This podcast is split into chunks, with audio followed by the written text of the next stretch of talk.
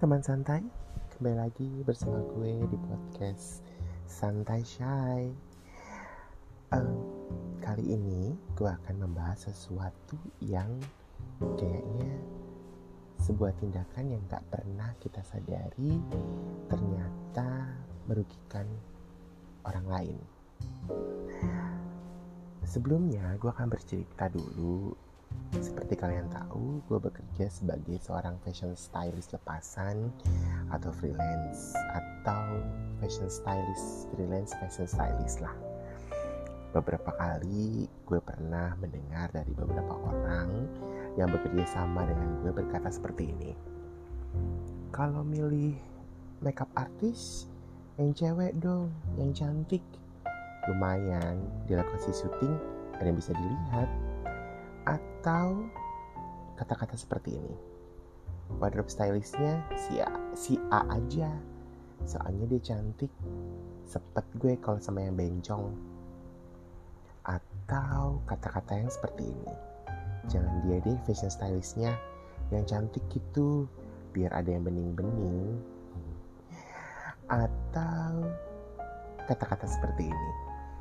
Kamu duduk di sini dong di sebelah aku biar semangat kerjanya. Ada yang cantik nemenin. Menurut kalian ungkapan-ungkapan tersebut melecehkan atau seksisme? Atau cuma bercanda? Mungkin bagi sebagian orang perkataan tersebut hanya sebatas bercanda. Namun yang gue alami itu bukan hanya sebatas bercanda loh teman santai benar-benar sebuah project dilaksanakan dengan fashion stylist atau dengan makeup artist perempuan yang good looking dengan maksud lain agar ketika bekerja ada yang bisa dipandang atau menjadi visual penyemangat kerja. Lalu, apa kabar kinerja? Mungkin mereka para fashion stylist, makeup artist, atau wardrobe stylist memang memiliki kinerja yang baik dan nilainya plus adalah mereka yang memiliki penampilan yang menarik, baik dari segi fisik dan gaya, terutama gaya berbusana. Tapi terkadang ungkapan-ungkapan tersebut terlontar dari hati. Mungkin kalian menilai gue berlebihan menanggapi hal tersebut ya teman santai. Namun gue ngalamin hal serupa sebagai seorang fashion stylist, apalagi gue cowok ya, gue laki-laki gitu. Gue kerap dipandang sebelah mata karena gue dianggap tidak good looking.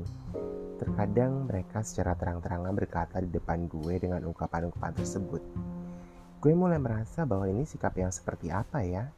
Tindakan apa ini? Apakah ini seksisme?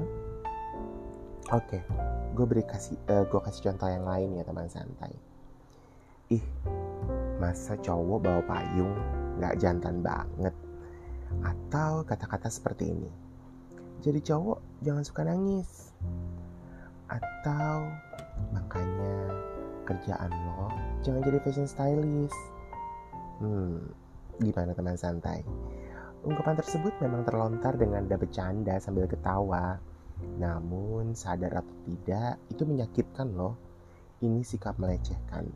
Seksisme bahkan ada unsur diskriminasi Dikutip dari situs European Institute for Gender Equality, seksisme berkaitan dengan kepercayaan fundamental tentang hal alamiah dari perempuan dan laki-laki, serta bagaimana mereka berperan dalam masyarakat.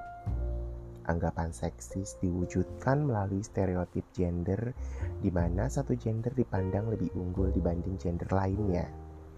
Akibat pandangan seksis, terjadi diskriminasi dalam berbagai ranah kehidupan. Seksisme bisa ada dalam diri laki-laki ataupun perempuan. Namun, sering terjadi yang menjadi korban adalah kaum perempuan di kehidupan bermasyarakat. Namun, saat ini teman santai banyak terjadi juga pada laki-laki dan mereka yang masuk dalam kelompok LGBT.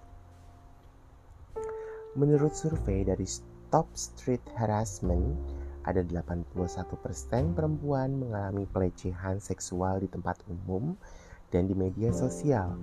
Bentuk pelecehan ini beragam, mulai dari catcalling, sentuhan tidak diinginkan, kata-kata bermuatan seksual, hingga komentar soal bagian tubuh seseorang.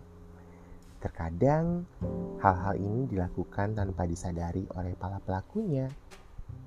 Ya, seperti yang gue sebutkan di atas tadi, yang maksudnya gue sebutkan sebelumnya teman santai, perempuan diterima bekerja sebagai objek pemandangan para laki-laki ataupun sebaliknya atau terkadang terjadi penolakan karena di gendernya ataupun orientasinya.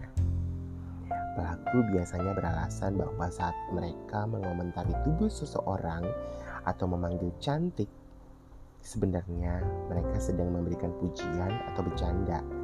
Tapi sebenarnya itu merupakan tindakan pelecehan ketika yang menerima merasa risih atau tidak nyaman. Namun, banyak kasus korban tidak merasa bahwa ia dilecehkan. Hal ini mengakibatkan perlakuan yang terus berulang. Padahal teman santai, ini seharusnya nggak bisa dibiarkan.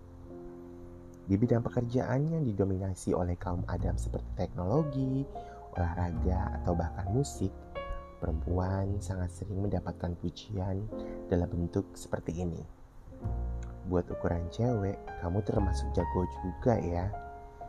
Banyak laki-laki yang melontarkan kalimat ini untuk mengakui kalau seorang perempuan juga sebenarnya bisa mengerjakan pekerjaan tersebut yang ujung-ujungnya mempertahankan keyakinan seksis laki-laki. Tindakan ini pun banyak dialami oleh beberapa teman dari kelompok LGBT bahkan transseksual di mana kemampuan mereka dalam bekerja sering dilakukan karena orientasi mereka. Entah itu direndahkan dari segi fisik maupun penampilannya. Namun, Beberapa kejadian juga terjadi, mereka yang masuk dalam kelompok LGBT ini melakukan tindakan seksisme juga. Kembali lagi dengan alasan bercanda. Beberapa dari mereka melakukan kepada sesama kelompoknya atau kaum laki-laki dan perempuan. Mengapa begitu tipis batasan sebuah pujian dan bercanda dengan pelecehan? Di mana beberapa orang menganggap bila hal tersebut dilakukan pada orang lain dan orang tersebut merasa baik-baik saja, maka lama-kelamaan tindakan ini menjadi sebuah kebiasaan. Sama halnya kebiasaan di dalam masyarakat bertanya tentang kapan menikah. Kepada mereka yang sudah masuk pada usia tertentu belum juga menikah.